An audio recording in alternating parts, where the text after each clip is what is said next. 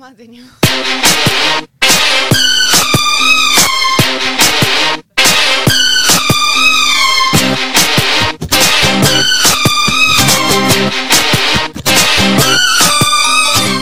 Bon dia, universitàries infectades per la son. Benvingudes a The Morning Dead, el programa dirigit a totes aquelles addictes al cafè. Ja som aquí un dissabte més amb el superequip d'aquesta temporada. Després de dues setmanes sense gravar, ja ho trobàvem a faltar. Hem estat uns dies una mica accidentats, perquè entre problemes tècnics de l'estudi i constipats varis no ha estat possible venir abans. Tot i això, hem tornat per la porta gran perquè avui hi som totes i tenim alguns projectes entre mans que esperem poder confirmar-vos els propers programes. Ara sí, no ho allarguem més i anem a presentar a l'equip del... que ens, que ens espera aquí avui a l'estudi. Berta Torres, què tal, com estàs? Hola a tots i totes, doncs molt bé. Berta, t'hem de fer la pregunta perquè Jo estic dispuesta a contestarla. Vas poder fer l'examen? La respuesta es no, no me dejaron. Em, Fracaso. em queda tot per l'últim examen. Però aquí lo millor, aquí lo millor és que jo vaig estudiar al matí, un ratito, abans d'anar a l'examen, perquè aquell dia ja vaig dir que no havia estudiat res, i vaig treure un set, nenes. És que era espectacular, era espectacular. Sacada. Jo li dic a Aplaudio de- O soc molt llesta por encima de la media o no m'ho explico. No m'ho explico perquè no és normal. I vam anar, Aplaudo desde la envidia. vam anar diferents... I les que anàvem de, de la classe, totes allà en plan, joder, porto una setmana estudiant, tal, no sé què, i van treure un 5 i pico, saps? I clar, surto jo i dic, hòstia, és que em sap bastant greu, però de veritat, de corazón. fent molta ràbia. Sí, però, jo en sèrio, entenc, jo és que jo t'ho juro que per dins pensava, és que jo m'odiaria des de fora, o sigui, que, que asco. Però això encara em fa estar com pitjor perquè llavors jo sé que el pròxim examen ho tornaré a fer perquè fins que jo no suspengui i em foti l'hòstia, sempre estudio l'últim moment, tio. I jo vull ser una persona responsable com la Berta i estudiar dues Pues da igual, setmanes. mira para lo que sirve. per res. Sigueu com la Noelia. No estudieu, estudieu l'últim dia. Que a sobre vaig sortir de l'examen i de 30 preguntes... Hi havia 30 preguntes? Sí. Yo qué sé si no lo de, hice. de 30 preguntes me'n vaig recordar de 25 i li vaig passar a la Berta totes. Pa que en su examen lo tenga en cuenta. Veus? Companyerismo. És que... Sisterhood. Molt bé. Danai, tu has fet exàmens o no, aviam? Sí, ja estic, ja Ui. he acabat per fi, Ja fins està. al gener, i amb, el, amb la mena al pont de la setmana que ve. Jo Molt ja... bé. A descansar. Sí, a descansar totalment. Han anat bé? Sí. Molt Sí, bé. sí. Pues ja està. Joana, Ona, com ha anat? A veure, expliqueu-nos. O sigui, no hem fet ni un examen. No tenim cap tipus de vergonya. Jo no sé si en tenim algun. Jo ara el meu problema actual és que estic batallant amb un paluego que tinc aquí de tonyina. Què? Perdó, és que m'has pillat com... Sabeu com si te quede menjar... Pues això, estic amb això. A poc a poc. Dealing, dealing with it. No, es, sembla una broma, o sigui, no tenim cap examen de moment i els fem al gener, si en fem. Estem bastant, bueno, living. Chill. Sí, o sigui, tenim una assignatura que portem com un mes, que a l'assignatura eh, representem un capítol d'Aida i llavors cadascú porta eh, un, un tema diferent vale. i llavors és tot el rato el mateix. I és com, bueno, vale. Però com que representa un capítol d'Aida? Sí, o sigui, feu de cada... personatges. Exacte, cadascú fa de, de director i pot canviar el, el guió, el que sigui, però llavors, clar, eh, Que guai. com quatre persones al dia i som pues, 80 a la classe. O... Ah, bueno, avui és dissabte sí? i avui pues, eh, no tenim uni, però aquesta setmana eh, va venir la... Belén Rueda, anava a dir. Ah, molt bona actriu. No, la... però... No, Belén Rueda, no sé és la rubia. La rubia. De Belén, Belén no? Funes. Toma ya. Belén Funes, ¿Quién es esa? que és la directora... Ala, ala, de- Berta, Berta, por favor. la directora de eh, Hija de un ladrón, Vale. Vale? si es diu així. Hija de un ladrón, que va estudiar a l'ESCAC i tal. Llavors ha vingut avui a fer-nos un càsting a nosaltres perquè Què estan dius? buscant gent mm, per, o sigui, gent que no sigui actor professional per, fer, per sortir a la seva pròxima pel·li. Ui, ui, ui, ui, ui. Llavors ens Que ha fet un càsting a tota la classe. Llavors hem anat passant a una salita i nos ha dit ah, cositas. A més a més, sigui, el paper és per uns estudiants d'Andalusia que se'n van a Madrid. Vull dir, en què moment jo, persona de Catalunya, de Lleida, puc fer aquest Acento. tipus d'accent, saps? És En com... cap moment. Que guai. Ai, pues ojalà. Podeu fer-ho, eh? Està obert. Mira, vaig a deixar l'Insta. Es diu eh, casting barra baja los tortugas. Eh? Ui. Busqueu a l'Insta i podeu enviar per DM o per correu el vostre videobook o correu, el que sigui. Però us ha anat bé o no? Sí, bueno, era una xarleta, la veritat. I és que crec que no era el perfil, perquè el que hem preguntat és neu de rave, i jo he dit, no, és que no, ni em drogo, llavors, bueno... Claro, claro, entonces... A més, li he dit... És que sabeu què li he dit? Claro. Li he dit, sembla molt cliché, però sóc esportista i no em drogo. I la, la noia en plan... Well, Pues siguiente.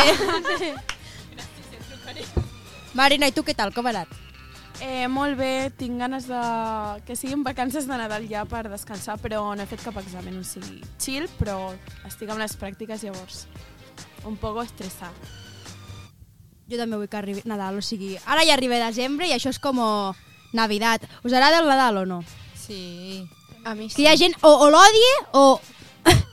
jo porto tot el mes de novembre dient-li al meu nòvio vull mirar pel·lícules de Nadal, i al meu nòvio al desembre, al desembre, avui, quan arribi a casa ja veuràs. Avui és 1 de desembre. Sí. No, Bueno, ha quasi. sigut 1 de Ha desembre. sigut. Clar, I teniu vosaltres calendari d'Adviento? No, no, hemos comprado. Eh, jo vull un de My Little Pony xulíssim de l'Aldi i no me lo compra. El bono cultural d'anar, eh? No, no, Pares de la Danae, compreu-li això. ja està. Farem un pote, eh? Farem un... Oye, diumenge és el meu cumple. Ui, o no? Anda! Demà. Demà?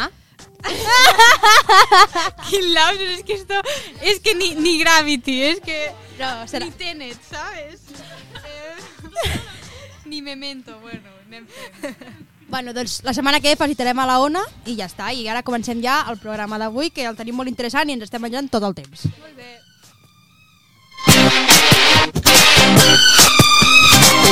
I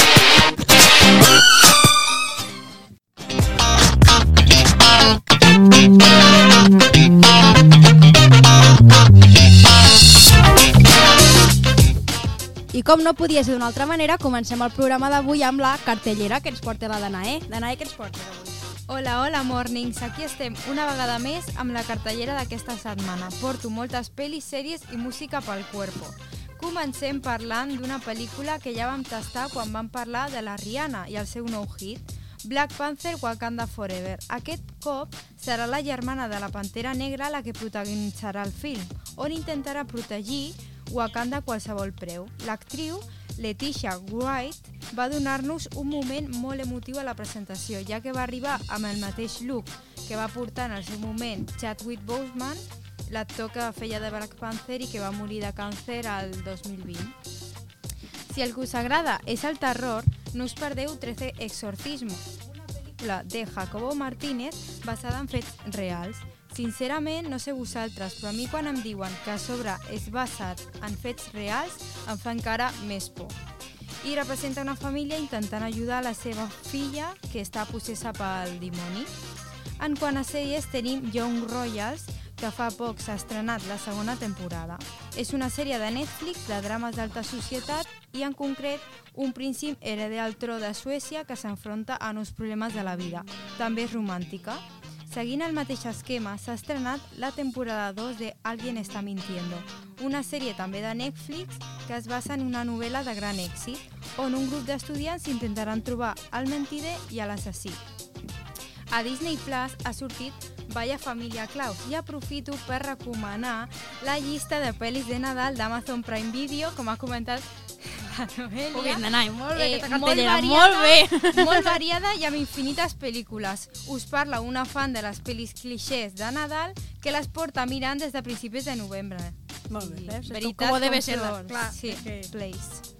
Bueno, música i més música amb Nati Peluso i el seu nou single Estàs buenísimo. Ja és definitivament un hit i al videoclip surt l'actor i model John Cortajarena. La Nati diu que d'aquesta manera el vídeo fa justícia al títol de la cançó d'Estàs buenísimo. Us posaria el vídeo, però és la ràdio, ho sento. Així que Feu com la Berta. Torres i aneu a mirar el videoclip al YouTube, hombre. Efectivamente. Sale de la piscina y le da el sol. Estamos en la casa de Marisol. Me le resbala el agua por el cuello. Me pongo nervioso y me amarro el cabello. Con disimulo me mira a mí. De solo pensarlo me relaja a mí. Parece gasolina, yo soy alcohol. Masaje con aceite de girasol. Ese prende su cigarro. Te derrito si te agarro. Tienes cara. Tenim també a Raúl Alejandro i el seu nou àlbum Saturno. Es parla meravelles del disc i una amiga Saturno meva... no era fins- també del Pablo Alborán. Ya me decía. Pensa tu... Sí. Ay, cuánto tiempo. A mí me gustaba esa canción. Tengo una amiga, una amiga meva que está obsesionada. Hola Ana, ya que estamos con Raúl Alejandro, pues la saludo. I ara escoltem Lejos del Cielo, una de les cançons que conté l'àlbum. ¿Dónde?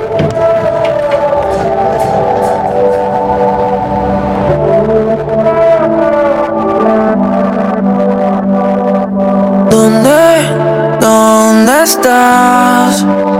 Llevo rato llamando. Contesta. No corre la manecilla del reloj. Me tienes en el aire volando, pero lejos del cielo. Aunque perderte da miedo, en verdad mejor dime que no. ¿Dónde? ¿Dónde estás?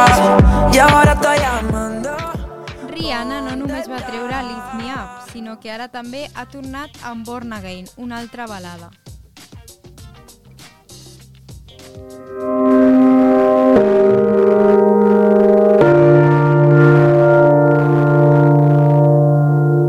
I give my heart to this place.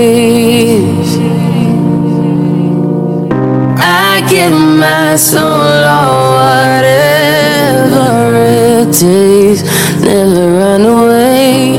I've got nothing just to storm the gates. Per últim tenim la última, sí, vaya juego de palabras, a Maitana, una cançó que es relaciona amb la nova sèrie que protagonitza a Disney Plus, amb Miguel Bernadeu, la seva parella.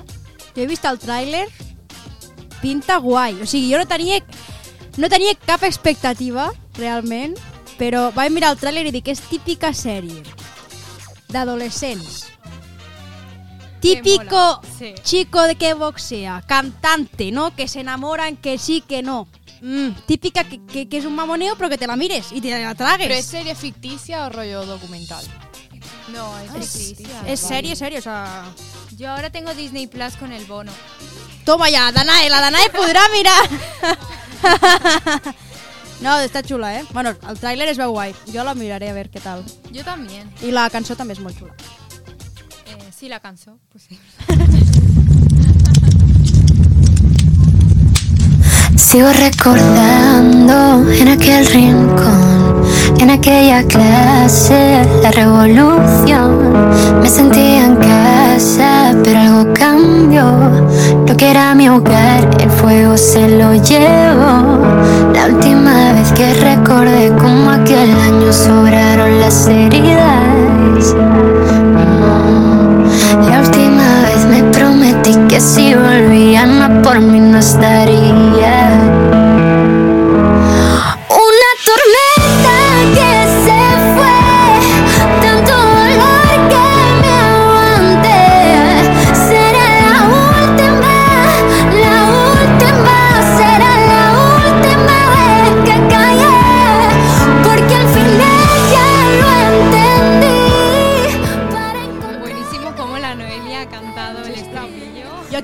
Veient, jo he sigut molt fan, bueno, soc molt fan d'Aitana. Va sortir a OT, això és dato curioso. Quan va anar a OT, va fer una, una firma de discos a València, de, o sigui, quan estàvem dintre d'OT, i li va tocar a València i ella es va enfadar perquè ella era de Barcelona i volia anar a Barcelona amb la família. pues jo, les meves amigues i el meu pare a les 4 del matí vam anar cap a València amb el cotxe. Que mona. El meu papa ens va portar amb el cotxe, pobret, a les 4 del matí. 3 hores de cua, ens vam fer una foto, ens va firmar el disco, tot. Això el moment que va sortir a UT. Ja us portaré una història. Volem veure la foto. I després també vam anar a la firma de disco, hem anat a concert, o sigui que hi ha historieta, eh? Va entrar a OT amb la meva edat. Sí, amb 18, 18. O sea, que pequeñita. Ja està, Dana, ja lo tienes. Ja Ja, tens el bonus, ja no me falta això, eh? Y la voz, pero bueno.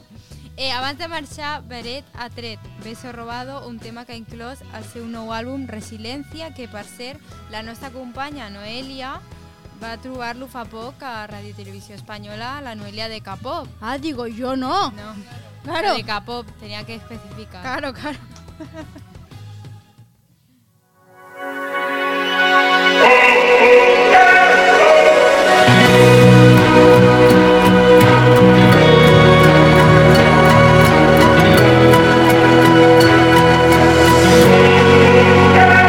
se sabe el precio de un beso robado y al final el nuestro no salió tan caro. Yo no tenía nada y lo pagué al contado y ahora veo que a ti te debo demasiado.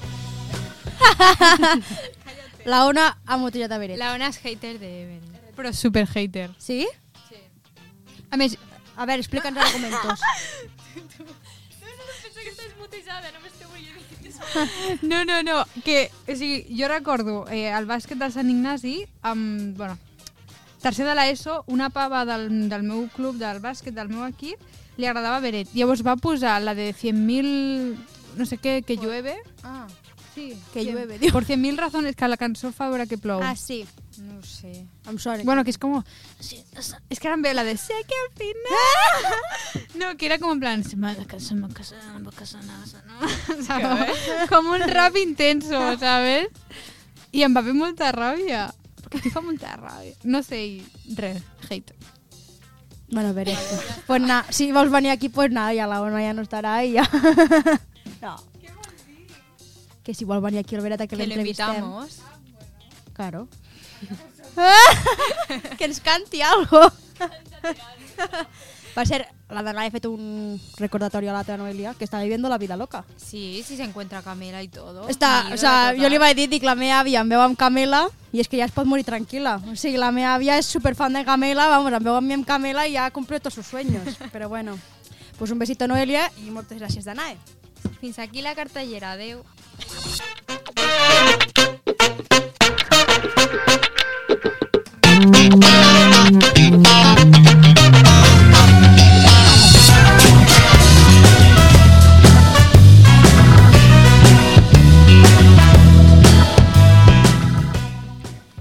I ara continuem el programa amb la Marina, que ens porta una secció super, super interessant. Bueno, jo crec que jugarem, no, Marina?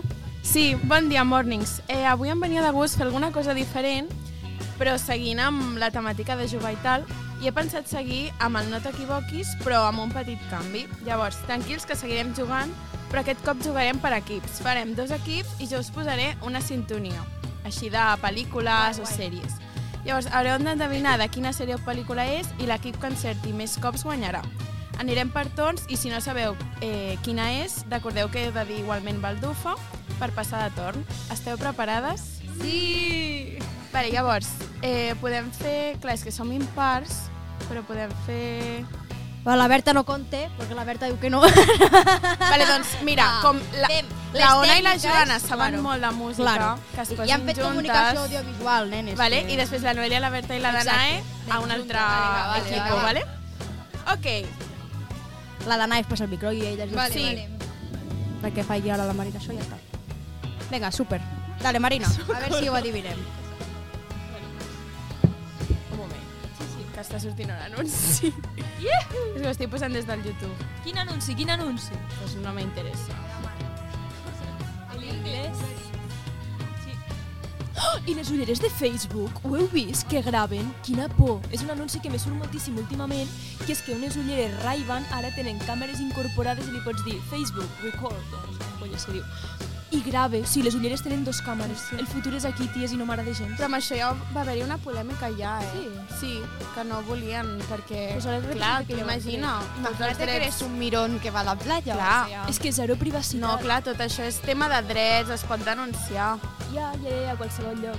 Jo no crec eh, que ho facin. Bueno, va, Una, un, Comencem, apunt, un, nenes, apunt, un apunt, que els, aquests de. Ray-Ban els hi han obligat a posar una llumeta quan s'està gravant pues, per indicar ho sàpiguis. Que, sí, perquè ho sàpiga.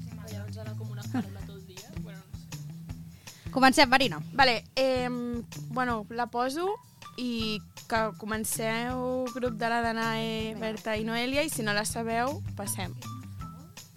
No, és, és 5 segons o així de cançó. Vale.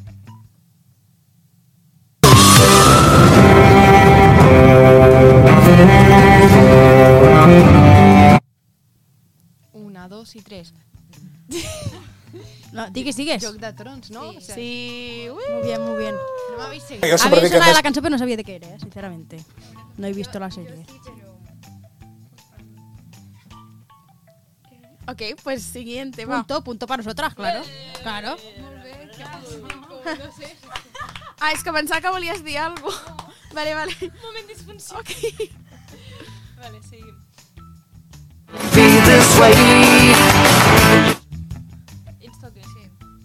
Amics. Sí. Friends. Dinàmica. Vale, va. Eh, següent grup.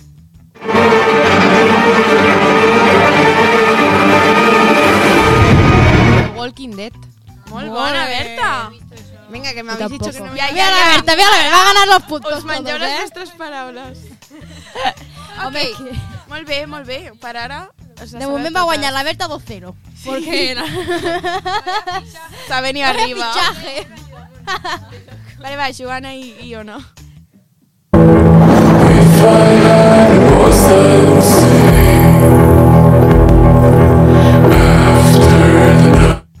Crec que és Dark. No. Eh, la Wii, ojo. La mía.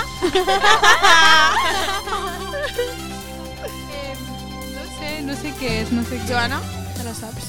Los 100. No. Baldufa, eh, passem torn. Posen 5 segons més, perquè no estava atenta. Us puc tornar, us ho torno a posar? Era esto? No, perdón. Fallo este.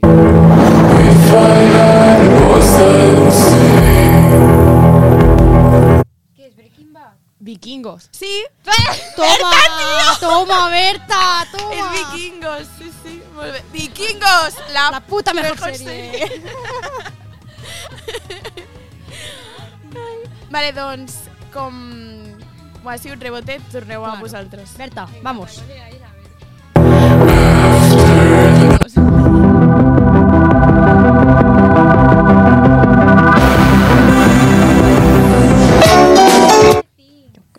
Stranger Things. Yes.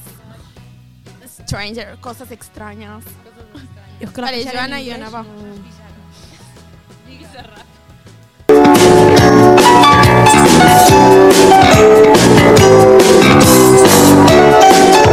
Por la època diria Gilmore Girls. No, no. Vale, pues es que yo qué sé. La se la, té cara de que se la sap. No, no, esta no. Ah, vale. Cancelada por Gilmore Girls. Más. He de dir que jo no me la sabia. O sigui, Pero es algo setantero. és dels 80, del 86. És que sembla com de la Wii, aquesta. Goldberg, però l'altre. No. No, és que crec que us diré el nom i ni sabreu què és. A veure, digue-la. Alf. Ah, no. Ah, sí quién es, pero no, no, no la he visto. Es como un muñeco alien raro, marrón. Sí. Parece una mezcla de... Sí. Como de persona y jabalí. Un poco muñeco Michelin. Con flequillo. Sí. Un sobrino retrasado de Pumba. Pues nada, punto para ti.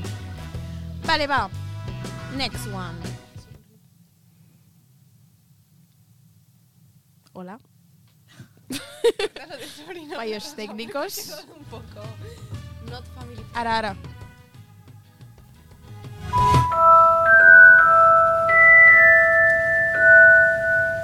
A mí también, ¿no? Ha- Harry Potter. Hòstia, anava a dir...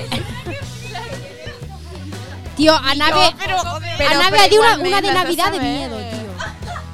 Una cosa, fora d'aquí, sisplau. Us estan tocant fàcils, eh? M'estan tocant fàcil. Sí. Nada. Vale, Joana i i Ona, va. Déu idea, de puta.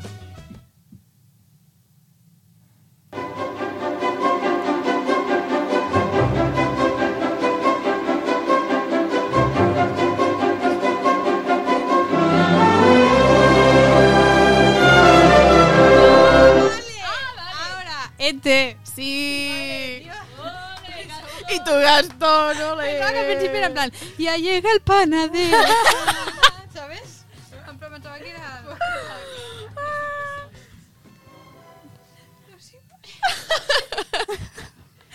Vale, Vinga, va, Berta, Berta, següent. te toca.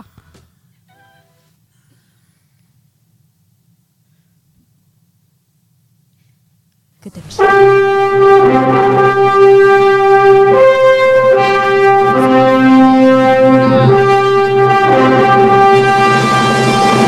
Pista has tingut? Ona, Perquè juguem tots. És que la Ona li ha fet una superpista fent mímica. En la pose de Superman. Tururú. No li direm, no.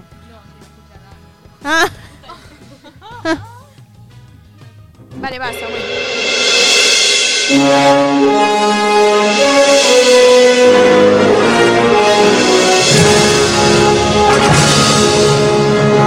Regreso al futuro. Sí.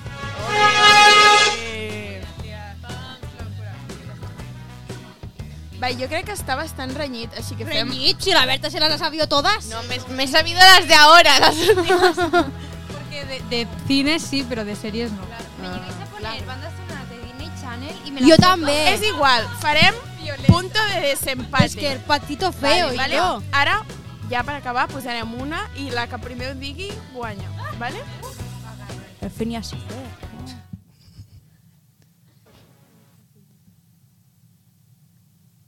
Atenció. Verás tú que la adivino yo. No.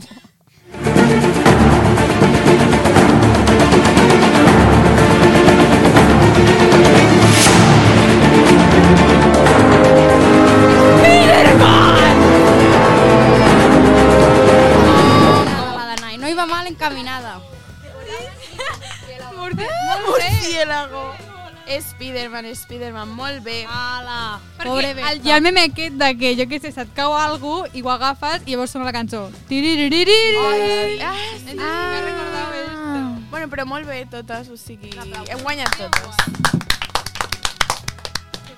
Thank you, thank you. Moltes gràcies, Marina. Doncs següent secció.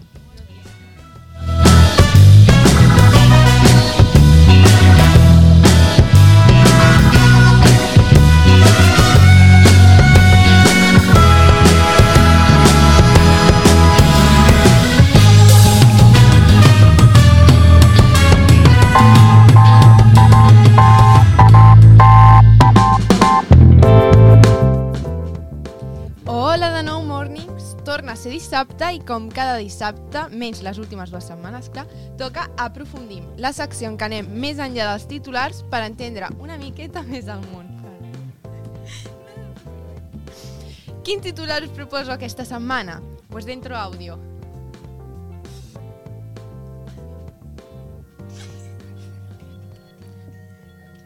Años. Así se ha reducido la condena a un hombre que abusó de su hijastra de 14 años. La rebaja la pidió su abogado tras la entrada en vigor de la Ley de Libertad Sexual, o también conocida como Ley del Solo si es sí. En la primera sentencia, el juez imponía al condenado la pena mínima. La nueva ley, al unificar los delitos de abuso y agresión, amplía la horquilla de penas y establece mínimos más bajos. En este caso, la agresión sexual con acceso carnal a menores de 16 años ha pasado de tener una horquilla de penas de 8 a 12 años a ser de 6 a 12. Efectivament, avui parlem de la llei del solo si és sí i la polèmica que ha sorgit arran de la seva entrada en vigor fa aproximadament dos mesos ja quasi perquè va ser el sec d'octubre. Llavors, uh, sabeu alguna cosa sobre aquest tema? Jo he sentit molt a parlar, però la veritat és que tampoc m'he informat molt. No... Jo he he sentit vist que hi havia molta polèmica, però... No ho acabo d'entendre gaire. Bueno, a Ens veure... anirà bé la secció. La... Claro, ahora viene mi sección, ¿no? obviamente. Eh, vale, la llei de garantia integral de la llibertat sexual, coneguda popularment com la llei del solo sí és sí, és una reforma del Codi Penal, és a dir, una modificació del codi que recull les penes que s'apliquen a cada delicte. En què consisteix llavors eh, aquesta modificació? Doncs bé, consisteix en la unificació del que abans al Codi Penal eren dos delictes diferents, que són el delicte d'abús sexual i el delicte d'agressió sexual. La diferència entre amb dos delictes era doncs, que eh, l'abús sexual era doncs, quan es produïa una relació sexual sense consentiment, però sense violència o intimidació, i era agressió sexual quan aquesta relació sexual sense consentiment era amb violència o intimidació. Uh, llavors, ara us poso un àudio perquè s'entengui millor la diferència, perquè això és una mica mm, complexa. Se diferenciaba el delito de abuso sexual, cuando no había violencia o intimidación, del de agresión sexual, cuando sí había. Vale, llavors, com he dit abans, això era abans de la reforma del Codi Penal. Amb la llei del sí es reforma el Codi Penal i llavors el delicte d'abús sexual s'elimina i passa a formar part del delicte d'agressió sexual, és a dir, només hi ha un delicte, el d'agressió sexual. I això per què és? Uh, doncs per evitar el que el 2018 va passar durant el judici del conegut cas uh, La Manada. Què va passar llavors? Doncs que els cinc acusats, jutjats per haver violat de forma grupal una jove durant les festes de Sant Fermín de 2016, van ser condemnats. Però no van ser condemnats per agressió sexual, és a dir, violació, sinó que van ser condemnats per abús sexual. Per què? Doncs perquè l'Audiència de Navarra va considerar que no hi havia hagut ni violència ni intimidació. Clar que no hi havia hagut ni violència ni intimidació perquè la noia estava uh, totalment aterroritzada, llavors es va deixar fer. I com no els va posar, doncs no els hi va fer falta exercir ni violència ni intimidació. Que bueno, això d'intimidació, si tens al voltant cinc eh, tios que et doblen el Clar. cos, doncs tampoc És que en el moment que tu violes una persona ja és una de fer? agressió, és que... Llavors, uh, és això, la noia no va negar-se ni defensar-se perquè estava atemoritzada, es va deixar fer, però deixar-se fer o no estar en les condicions de posar-se, perquè podria haver-se deixat fer perquè anava borratxa o drogada, uh, no implica consentiment. I el concepte de consentiment és justament l'essència de la reforma del Codi Penal. L'objectiu és que el delicte de violació no depengui de si hi ha hagut violència o no, sinó de si hi ha hagut consentiment. Consentiment explícit.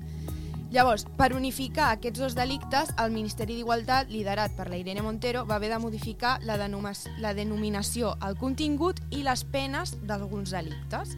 Concretament, les penes màximes i mínimes dels delictes.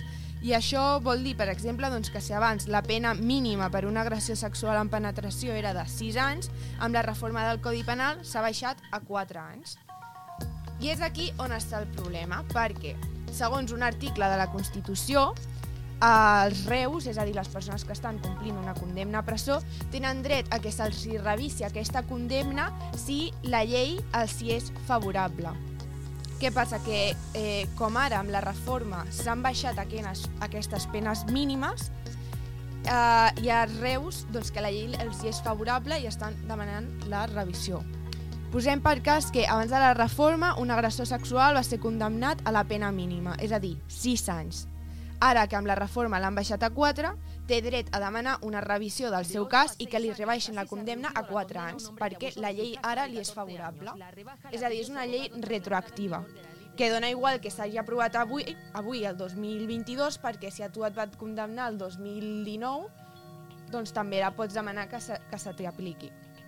Eh, I d'aquí la polèmica.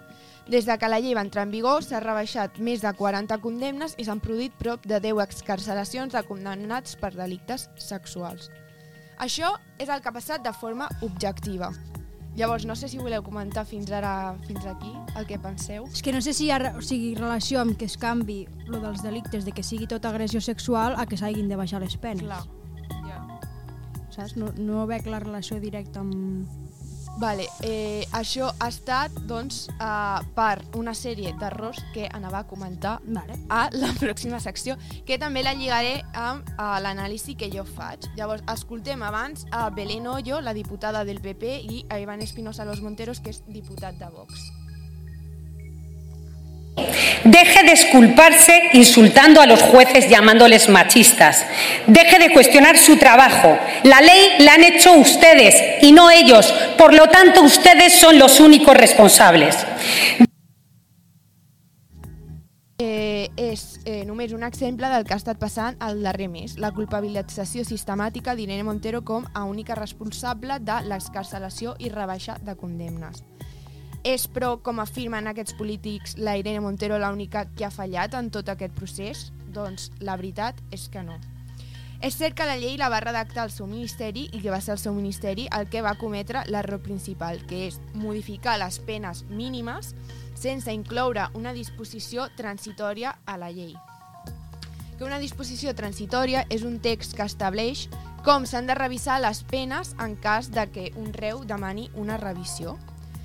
Uh, per exemple, la reforma del Codi Penal de 2015 sí que es va uh, incloure una disposició transitòria que deia, per exemple, doncs, que si algú estava complint una pena de presó que es trobés dins dels marges del nou Codi Penal, la seguiria complint, tot i que d'acord amb la nova llei doncs, li hagués correspongut una pena inferior. És a dir, eh, és que això és un tema complicat d'explicar. Si, per exemple, tu et van condemnar a 4 anys perquè el Codi Penal de llavors ho deia així, i el nou codi, segons el nou Codi Penal et tocaria una altra pena, però 4 anys està dins del marge de penes, doncs et queda com està. No com... Bueno, Sí, clar, perquè igual que es redueix també es pot, pot augmentar. Llavors seria Sí. injust, has de, t'ha de tocar el que era en aquell moment. Efectivament. Doncs això és una disposició. Uh, què, quin és el problema? Doncs que en aquesta última reforma del Codi Penal que ha fet la Irene Montero doncs no ha inclòs cap disposició. Llavors, no explica com els jutges han de revisar les penes. I llavors cada un ho està fent doncs, a interpretació pròpia. Um, Llavors, aquí va fallar Montero, sí, però també la resta de membres del seu ministeri, sobretot els experts que se suposa la van assessorar en la redacció. Després, l'esborrant de llei va passar pel Consell General del Poder Judicial i aquests, efectivament, com han estat argumentant els de l'oposició, eh, van fer un informe en què avisaven de que es podrien produir reduccions i excarcelacions. Però només avisava de revisar les penes màximes. És a dir, només avisava de que si eh, es canviaven les penes màximes, podrien haver escarcelacions, però no parlava de les penes mínimes. Llavors, després d'aquest informe, el Ministeri no va tocar les penes màximes, però sí que va tocar les penes mínimes, perquè a l'informe del Consell General del Poder Judicial no els hi havia dit si toqueu les mínimes hi haurà excarcelacions. Doncs pues bueno, passa, eh, aquest esborrany es canvia i llavors eh, s'envia al Consell de Ministres. El Consell de Ministres l'aprova. Del Consell de Ministres passa al Congrés, que és on estan tots els partits que se supone que se l'han de llegir, l'han de discutir, han de reformar, de bla, bla, bla. Doncs allà també s'aprova. Ningú, o sigui, ningú diu, eh, oye, que aquí hi ha un problema. Tothom l'aprova. I després del Congrés passa al Senat. I el Senat també l'aprova. I després la llei es fa efectiva. I quan es fa efectiva, sorpresa, mm, empiezan a haver excarcelaciones. I llavors tota la culpa és de la Irene Montero. O sigui, discursos que eh, que que bueno, si.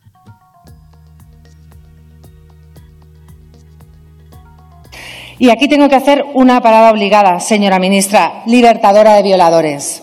No descarto que esta rebaja en las penas se haya hecho con premeditación y alevosía con premeditación y alevosía, dada su alergia a tener a los asesinos, a tener a los asesinos fuera de prisión. Pero es que también ha usado insultar a toda la judicatura. Hay que tenerla de cemento armado para insultar a profesionales que se han pasado años de su vida estudiando Derecho y una oposición, cuando el único mérito que tiene usted es haber estudiado en profundidad a Pablo Iglesias. Eh, Hola. Sí, ha, ha això- dit el que ha dit. Sí, en un congrés, però és que, o sigui, ara això ha sortit a les notícies, jo no ho havia escoltat mai, em va sorprendre molt doncs, que es pogués parlar així, però és que he estat buscant, haciendo hemeroteca, como dicen los de Sálvame, i és que, o sigui, no és, no és res nou. O sigui, li Ja, han ha estat molts- utilitzant a l'haver sigut parella del Pablo Iglesias a molts discursos que ara doncs, també us posaré doncs, perquè veieu aquesta violència política la que han estat sometent a la Irene Montero durant tant de temps. De mujer a mujer, señora ministra, y si viene bien y quiere mirarme a la cara, ¿siente usted vergüenza por compartir su vida con un machista o va a seguir callada? ¿Es usted una mujer sumisa a un macho alfa? Porque estamos muy orgullosos de una mujer que ha conseguido ser presidenta de la Comunidad de Madrid por sus propios méritos y no, ser, y no por ser la mujer de absolutamente nadie. Tenemos a una ministra en el gobierno por ser mujer de un vicepresidente. Usted representa a una mujer en España, débil, víctima, que necesita una cuota para ascender a puestos de responsabilidad. pero que luego no le importa acceder a esos puestos de responsabilidad si es a través de las relaciones afectivas. Usted representa a una mujer que en realidad se siente muy inferior a los hombres y llena de complejos. Basta ya de ministras inmaduras e infantiles. Mujeres de centro derecha eh, que han salido adelante por sus méritos, sin cuotas, eh, frente a otras, como una que ha nombrado usted, eh, que están donde están porque las ha fecundado, las ha fecundado el macho alfa, eh, por eso son ministras. Son los presupuestos para los que tienen que mantener a la inútil y soberbia ministra de Igualdad para que su socio no se eche atrás. Sí, y bueno, també tinc un de l'Ayuso eh, que otra vez va con el mismo cuento, ya ni lo escuchamos. O sea, y la mayoría son mujeres también bastante heavy, pero bueno. Que fort. Eh, llavors, uh, tot i que el primer problema va ser la redacció de la llei, és evident que el procediment legislatiu també ha fallat. Per què? Doncs perquè una llei mal redactada ha passat tots els tràmits sense que cap dels múltiples organismes que s'encarreguen de revisar-la s'adonés de l'error. Es podria haver parat al Consell, es podria haver parat al Congrés o al Senat i no es va parar. Llavors, òbviament, la Irene Montero, com a ministra d'Igualtat i principal defensora de la llei, hauria de disculpar-se públicament per les conseqüències que ha tingut i que tant de mal estan fent doncs, algunes víctimes. Acceptar, en definitiva, la part de responsabilitat que la correspon i preocupar-se doncs, de que finalment la llei s'apliqui d'acord amb l'objectiu amb la que va ser aprovada. Que no ho hagi fet, però no justifica en cap cas l'odi i les faltes de respecte doncs, que està rebent aquests últims dies, que és que me parece... És molt trist. Sí. A veure què comenteu vosaltres. És que jo crec que hi ha poc a comentar, la veritat, Sí. perquè no... Sí que, evidentment, ella s'ha equivocat amb una redacció, però No solo ella. l'intenció era bona. Clar. Eh, ella té un equip darrere que suposo que no la va redactar ella con su puño i letra, vull dir, devia influir, però hi ha molta Clar, gent darrere. Al final ells són els portaveus, vull dir... Mm, per exemple, el Santiago Abascal no és todo él, vull dir, té, tiene su séquito detrás, vull dir, no és només culpa seva. Per, és com que han utilitzat això com a excusa per, Sí. per treure-hi merda. I a sobre, si tu vas a la portes a un congrés on hi ha tots els partits i l'aproves, després no et queixis, l'has aprovat tu. No és que ella l'hagi redactat malament, que també. Però, cony, quan es va decidir si aprovar o no, diguis, hòstia, doncs no l'aprovem perquè està mal redactada. El que no pots fer és ni llegir-te la llei d'aprovar-la i el després ara quedo bé perquè ara ella s'ha equivocat. Això no va així.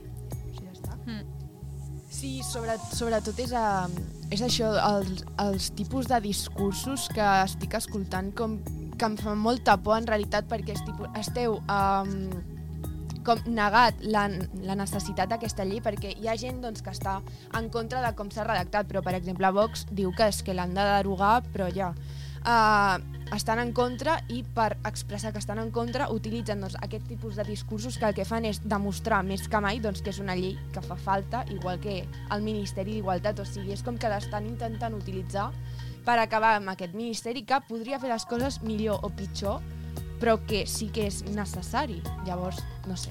I a part que es permetin aquestes barbaritats a un congrés em sembla algo surrealista. O sigui, en quin moment tu te'n vas allà i comences a dir-li aquestes coses a una dona? Vull dir, bueno, Bueno, a una dona igual, o, qui o a sigui, però- qualsevol. Però, vull dir, és que no, bueno, és igual, ens callarem perquè no té cap tipus de sentit. És que... O sigui, la política fa molt fàstic, però és això dels comportaments, des de la pandèmia ja ho feia, a nivell està, és que dius, com li pots dir això a algú altre, a la teva professió? És que des de fora No, no estàs parlant al "Hòstia, teu col·lega, S'estan matant, et fa gràcia perquè dius és que és surrealista, però és que És que és després ho pararé a pensar molt i dius, però és que què és això? En plan, aquesta dona està suportant unes, uns atacs que és que no, no té cap tipus de sentit. O sigui, tu li pots criticar algo de la seva feina, però a partir d'aquí, que si s'ha tirat a un o s'ha tirat a l'altre, no és el teu problema. O sigui, és que... Ja. Bueno. És com que entren en l'atac personal i en, hi ha coses més importants a discutir, jo No, i a part, és com un argument per rebaixar-la, en plan, como que eres conocida porque eres la pareja de este. I això molts cops ho fan a, amb moltes notícies, Amb rotllo, la parella de... I, I no posen ni el nom, però posen el nom d'ell, i és com... mm, No, ella no és important perquè sigui la parella, tindrà sus propios mèrits, Sí. méritos, saps? És que en realitat tampoc és com que no s'està qüestionant si realment la llei és com necessària o no, ni tampoc tots els punts positius que té, perquè això, si s'hagués redactat d'una manera, és una cosa positiva Clar. i fins i tot em sembla que, ara no sé el nom, el de la Fiscalia, que ja va avisar o va fer aquest informe de mm, pot comportar problemes la llei, va dir pot comportar problemes per com està redactada, però jo estic molt a favor i molt content i molt orgullós d'aquesta llei. Clar. És que una cosa no treu l'altra. No treu l'altra, llavors és com que estan intentant dinamitzar la carrera, dinamitar la carrera d'una persona que realment, o sigui, jo crec que està fent coses bones, no? Sí. Havíem avançat mai tant en termes d'igualtat pel que fa la dona a Espanya, bueno, sí, però en els Jo darrers crec que ha sigut anys. una figura molt necessària. Tindrà Sí. les seves coses bones, dolentes, tindràs una opinió que a vegades no et pot semblar del tot bé o tal, però jo crec que està fent coses que no ha fet ningú per avançar com a societat eh, en el machisme. És molt criticable, sí, però no d'aquesta manera. Jo També et dic, en el punt que ella s'exposa és molt fort, vull dir, evidentment ha de rebre algunes crítiques, però ella ja s'exposa a això perquè ja sap que el que està tractant és un tema seriós, que hi ha molt machisme en aquesta societat i que s'enfrontarà a aquestes coses, però que no se les mereix, o sigui, no té cap tipus de sentit. No, no, i bueno, doncs fins Ja aquí està. la secció. Moltes gràcies, Berta. Gràcies.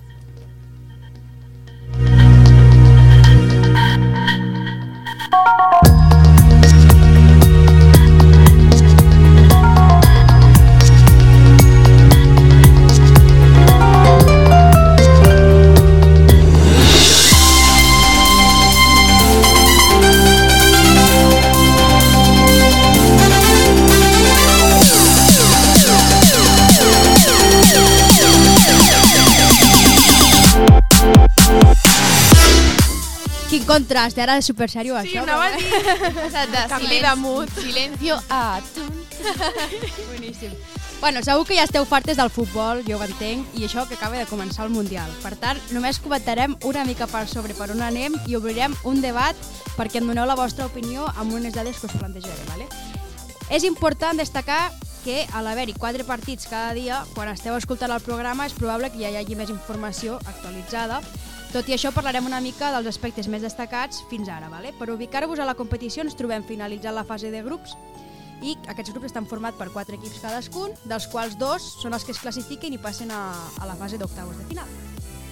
Llavors, d'una banda, Argentina, que és de les preferides, eh, ha aconseguit passar com a primera de grup, tot i que el primer partit tingués un susto que va perdre 2 a 1 contra Aràbia Saudí, que allò va ser com, madre mía, què està passant?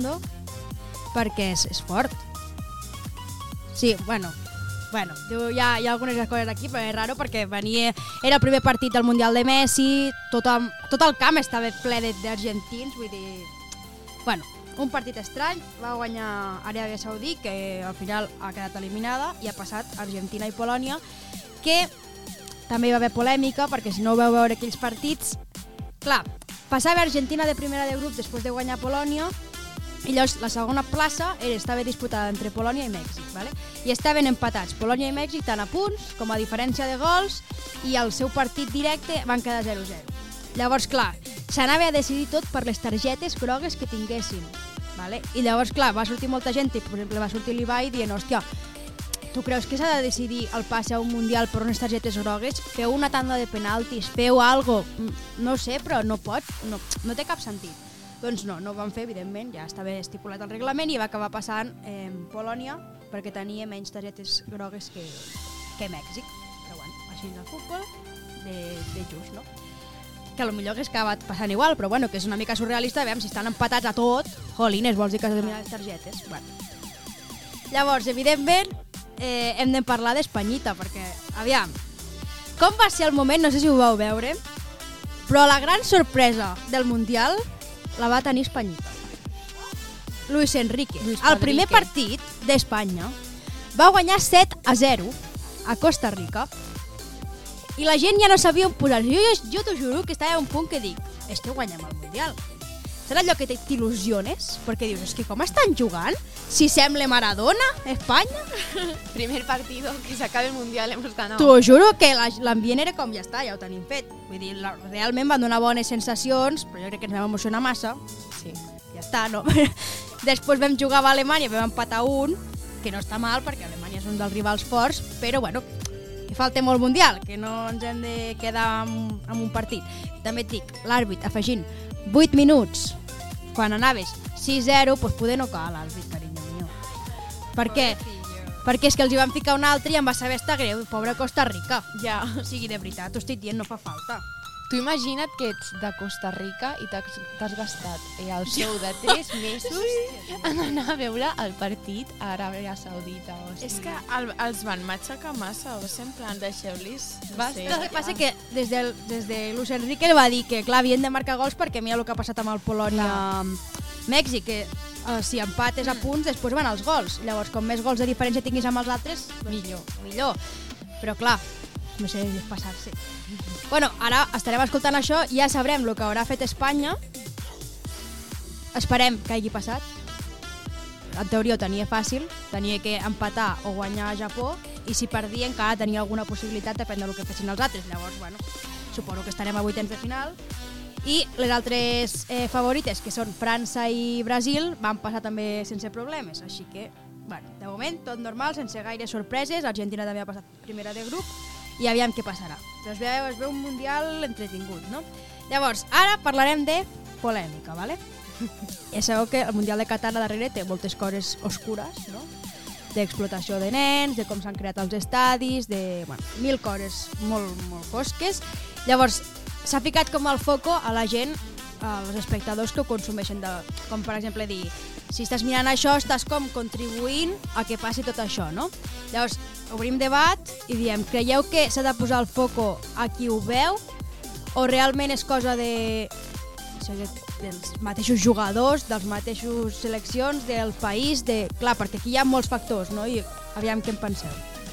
A mi em fa ràbia que sempre culpen de totes les coses que, pas, que passen i desastres eh, com el canvi climàtic i tot, sempre culpen a, a la gent Quotidiana. quotidiana i no als grandes magnate, magnates milionaris, tot això, que realment són els que tenen culpa. Sí, és que jo crec que aquí està el foco de... Aviam, nosaltres ho estem consumint i potser si, si ningú ho mirés doncs acabaria tot això, no? Però evidentment veus que tothom ho està mirant i diràs què m'estaré jo, a casa ma... sabent que estan fent un mundial. Si tu t'agrada el futbol, t'esperes 4 anys per veure aquesta competició i per molt que hi hagi coses darrere d'aquell lloc, tu dius, hòstia, és l'últim mundial de Messi, l'últim... Si, si ets mínim aficionat diràs, és que ho he de veure. I a Però veure, clar, també, una vegada el mal ja està fet, o sigui que tu Ja. ja. vegis o no vegis el Mundial, no canviarà tota la gent Exacte. que ha mort. Això s'hauria d'haver eh, fet alguna cosa Abans. abans. I potser tenim doncs, aquest, a, aquest cas i sabent ja com ha passat, doncs, es podria fer doncs, un protocol o alguna cosa doncs, per evitar que això en un futur torni a passar. Quin és el problema? Doncs que, bueno, no sé, jo tampoc sé molt d'aquest tema, però suposo que tot és bastant privat, o sigui, no és una cosa que es pugui regular tan fàcilment. Llavors, és que el, el problema està aquí, suposo. Que, però també hi ha un problema ja de base de tu quan vas a fer un mundial hi ha unes candidatures, tu presentes la teva candidatura i t'han de seleccionar. En quin moment selecciones a Qatar? Vull dir, ja de base ve d'aquí el problema. No pots seleccionar un lloc que saps que per fer aquests estadis passaran aquestes coses perquè te les imagines, perquè són Clar, els valors del sí, país. sí. Llavors, després no podem culpar la gent que ho estigui mirant d'una competició que has muntat, que els, tots els futbolistes han accedit a anar-hi, comença perquè els futbolistes es plantin i no hi vagin, o comença per no fer-lo, saps? No sé, que, que, que també és responsabilitat nostra de dir, pues no tindríem que mirar ningú. Però clar, com fas que la gent no miri un mundial, que és un mundial de futbol, que és eh, l'últim per molts jugadors que, que portes tota la vida mirant i que és una competició que t'agrada, no? Llavors, clar, bueno... És que és molt, aquesta- més, molt més difícil fer que tot el món deixi de mirar-ho que no que... Mm, fa, o sigui, jo no entenc gaire tampoc què ha passat, però suposo que és que els, els treballadors de no tenien cap dret, o sigui, no tenien cap No, i que s'ha mort protecció. molta gent i hi, ha, Com hi havia 6.000 nens, hi havia... persones, no? Em sembla. Sí. Sí, per, a part, o sigui, per construir aquests estadis hi ha hagut molt impacte mediambiental també, vull dir, hi ha hagut moltes conseqüències directes perquè un mundial d'aquestes característiques has de tenir unes construccions de 4 o 5 estadis mínim, eh, els llocs on estaran els jugadors, eh, mil coses, seus de per premsa, seus per tot, llavors és molt, molt... Però no hi ha llocs al món on ja hi hagi això construït Clar. perquè no s'hagi de construir un altre. Però d'aquí venia la, la queixa Clar, però de... l'interès econòmic Clar, és que mou, mou, clar, mou molta economia. El problema és que, clar, els que tenen pasta es beneficien molt, però els que no... Pues és... pues es moren, com els que ho han construït. dir, el mateix sí. van fer amb el Paris Saint-Germain, que el van comprar els catarins i han fet un club a mida de talonari. Vull el Messi, doncs el compro. Vull el Neymar, el compro. Vull Mbappé, el compro. Ja, és I que és això és cosa de rics. Si no, van dir que els guanyadors de no sé quin equip els havien regalat a cadascun... Un Rolls Els Royce, sí, els de d'Aràbia sí, els Saudita. d'Aràbia Mare meva. Bueno, doncs ja tanquem el tema, que si no ens tenim molt, molta estona que parlar. I ja la setmana que ve mirem aviam en quina fase estem. Si hem passat, si no, aviam, xicos, jo estic nerviosa ja. Aviam què passarà.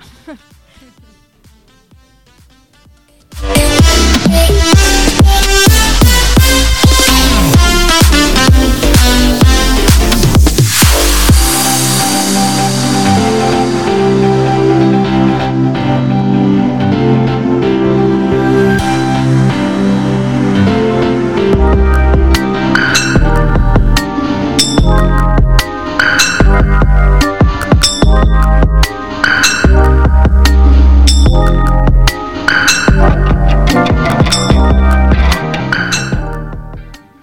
Anem a l'última secció del programa, que ens la porta la Joana Romeu.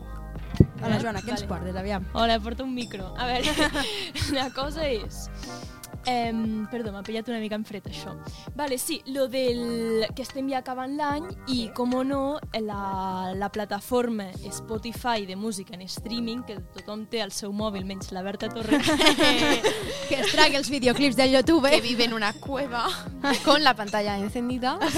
És que cap tipus de vergonya. No me La avergüenzo, no me escondo. I endavant amb tot.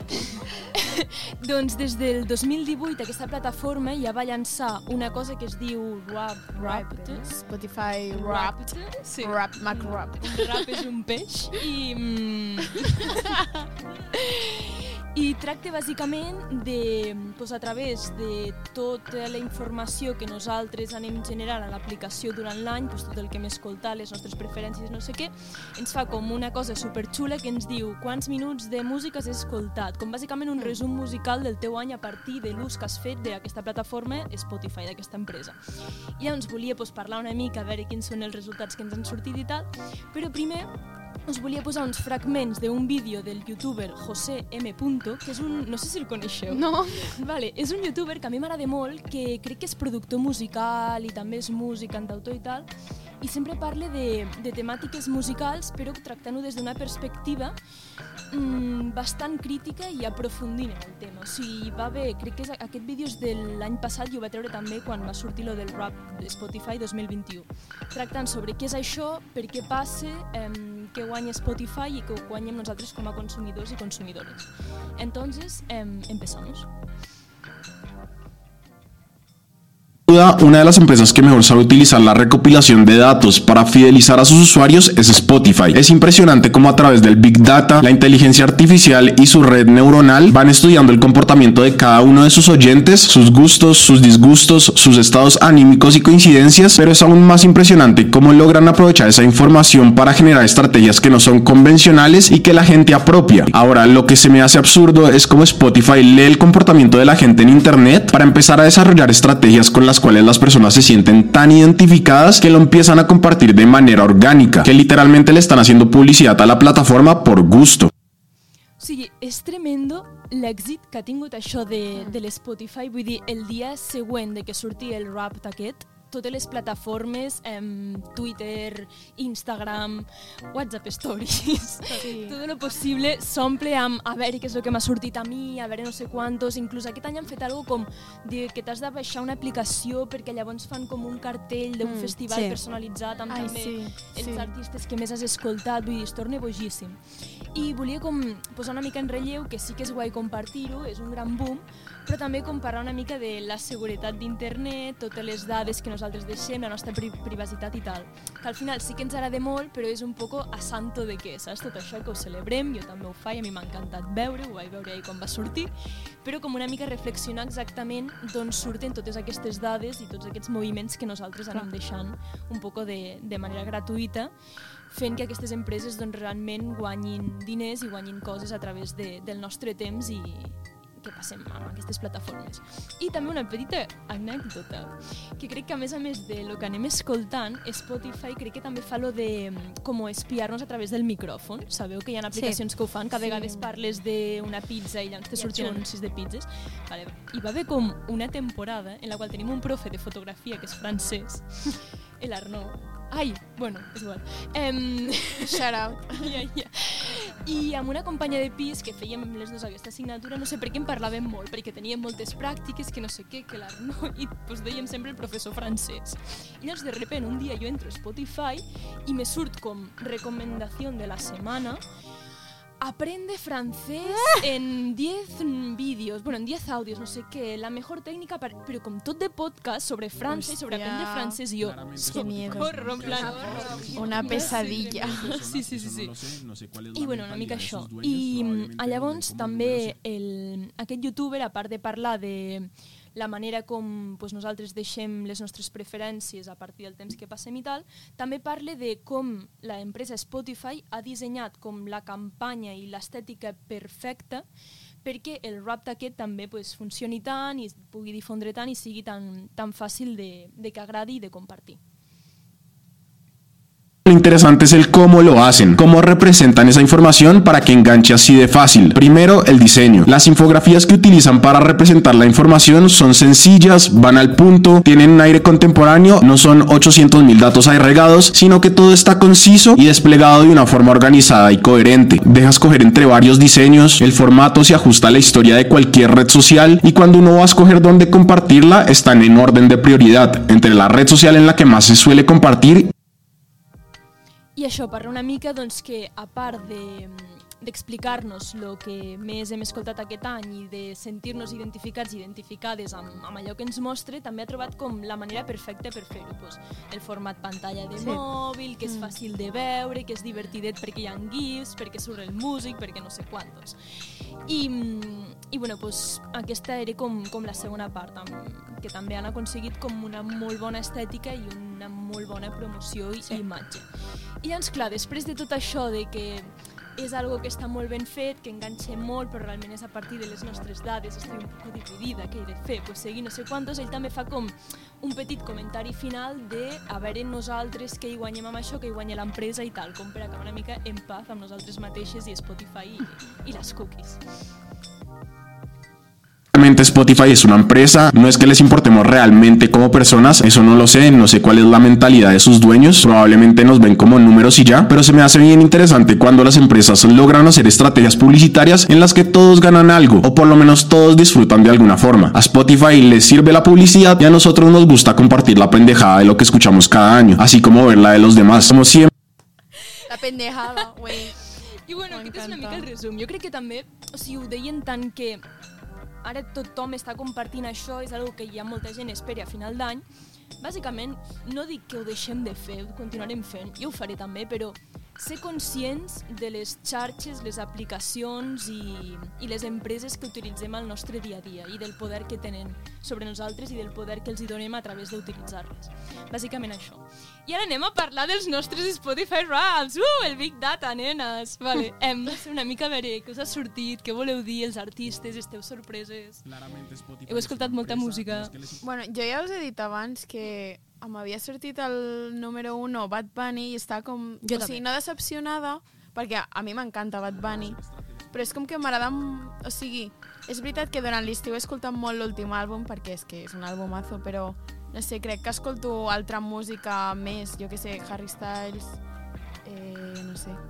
Nena, però el Big Data no miente. Ja, saps què perreando. passa? Que això em fa molta ràbia i ja ho, van, ho vaig veure en un tuit que deia a partir de, no sé si és novembre, deixa de, de recollir les teves dades i clar, jo per exemple no em sento molt identificada amb el que m'ha sortit perquè clar, ara el més identificada és amb el més, lo més recent i clar, això no em surt.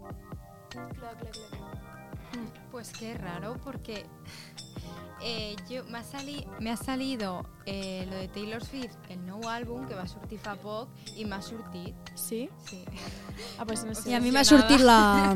Com a cançó vols escoltada la... No, la de... Una de Bizarrap amb, amb Duki, que és Ah, pensava super que era la de recent. Digo, no, por favor. M'ha sortit com a cançó A veure, vaig més escoltada. meu. I he No. pensat, què és això? Pues a mi la cançó més escoltada m'ha sortit una versió de How Deep Is Your Love de JP Morrison. Bueno, en plan, una que és així. Mola com mucho esa canción. Tranquil·leta. Jo, lo de la, la cançó més escoltada sí que estic d'acord perquè és una cançó, bueno, ningú la coneix, que es diu My Gingy. Eh, bueno, és així alternativa. I sí que he de dir que potser l'escoltava cada dia cinc cops, o sigui que té sentit. Hòstia. I és que no me'n recordo, però de preferida incerta alguna de Manel. I és el que us deia abans, en plan, és una cosa que crec que vull començar a superar. O sigui, porto 3 anys seguits, però a més a més sent de l'1% de més oy... O sigui, no sé com se diu. Sí, sí. sí. Com... De la classificació. Sí. Exacte, hi ha com una classificació més a més i sóc de l'1% de persones a nivell mundial que més escolta Manel. És com, vull parar de ser aquesta catalaneta bàsica, tio, vull parar, però no puc. I bueno, en fi. avui he vist un tuit que preguntaven quantes hores d'escutxa tenéis i hi havia gent que deia potser mm, 130.000. No hi ha tantes hores amunt. No, no, i els hi calculaven, o sigui que sí, eh, perquè penjaven la imatge on surt i els hi calculaven i eren, els hi deien, has estado tres meses escuchando música. Tal qual. És molt, eh? De retiro. Perquè què és lo normal? En plan... Jo és que m'ha sortit, crec que poc, perquè al meu nòvio li va sortir com 2.000 minuts o algo així. Eso me parece poquí. És Jo tinc molt poc. Jo 35, crec. Ah, no, jo 9.000 i el meu nòvio 20.000. o algo Jo, jo tinc 10.000, però perquè va haver una temporada que anava amb, co- o sigui, a l'estiu anava amb cotxe cada dia a treballar i se'm va espatllar la, la, la, la ràdio en si per, per enxufar l'Spotify. Llavors anava sense música i era com... Bueno, t'ho juro, eh? Era muy sad. Era com... I d'artista qui teniu, a part de Manel? Eh, Taylor i Ariana Grande. Facilíssima. Jo només tinc homes, estic decepcionada. Jo és que tinc un pupurri que... Qual... Però és com super random, perquè... Bueno, tinc Baburi, que és un estil així, i llavors posa Aitana i Tini, ella, Tini, Tini. Aitana i Tini, Bizarrap i Quevedo. Però són com Espanyol estils... promedio, eh? so, però són estils Espanyol bastant promedio. diferents. Ja. Sí. I ja que, o sigui, per acabar ja, eh, una recomanació musical per aquest nou 2023. Nati Peluso. Qué buena vida tiene. Cuando me pare. Eh, vaig a pensar. Jo en tinc un parell, que són un grup que es diu Santa Marta, que comença amb ser trencada, que és espectacular, i un altre que es diu Devendra Banhart, que són com dos moods diferents, uno más bailecito i l'altre más com chill, i m'agraden molt. Uh, que difícil. Ai, no sé, pot ser tipus antic. Eh, jo recomano un àlbum, el primer, no, segon àlbum d'Ariana Grande que va ser el 2015, que és el millor. Quin és? My Everything. Molt bo. Molt bo, vaig anar al seu concert de My Everything. Ah, mira, jo... El de. Dangerous Woman. Qué guai. Yo en quinto de primaria yendo al concert. guai. Me encontré a Belén Esteban, así como... Hòstia, que és que aquesta dona Jo a tallat. l'Aitana, en el concert de la Billie Eilish. No sé, molt random. Jo recomano, és que és una mica raro, però a mi m'agrada molt la música així com alternativa. És que no sé com quin estil és, però com super... Claramente Spotify és una Eh, empresa. indie, sí. I es diu Strawberry Guy, que potser coneixeu. Té una molt famosa. I llavors em vaig posar a escoltar els àlbums i em va agradar molt. És com molt rotllo, si estàs a la nit, així. no drogues, però... Sí.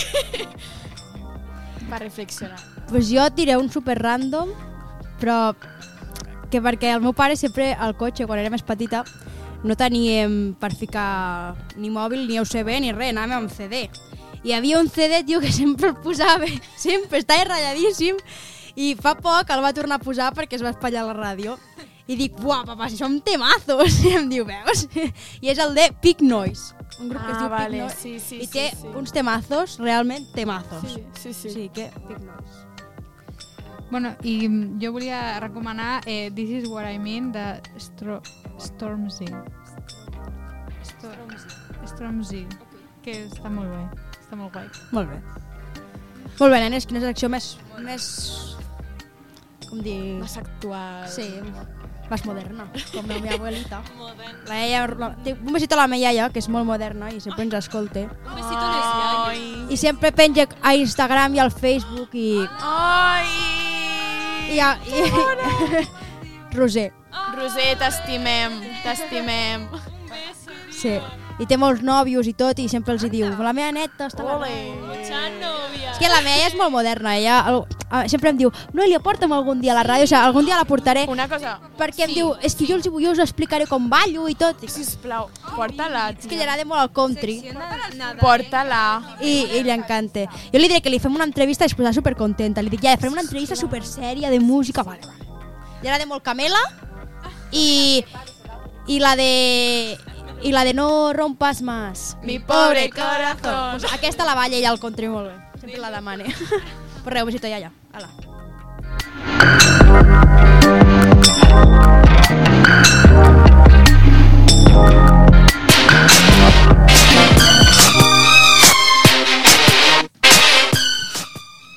Ai, nenes, ara sí que sí s'ha acabat el programa d'avui. Després de... Aviam, últimament tenim una de problemes tècnics. Que és que, bueno, heu de saber que estem, que estem amb una taula de so de repuesto, ja... Sisplau, eh? que és molt complicat gravar així, però bueno, ens adaptem a tot i estem totes curades, ja estem totes perfectes i si tot va bé doncs tindrem algun altre programa aquesta temporada abans d'acabar i aviam si podem portar bones notícies la setmana que ve. Que no direm res per fer spoiler, però pot haver coses guais. Se vienen cositas. Podem, aviam, Joana, podem, pod, no, podem anar a alguna gala. Ah. Podem anar acreditades a algun lloc, no direm No res res més. No, no, Gabriel, no lo hagas.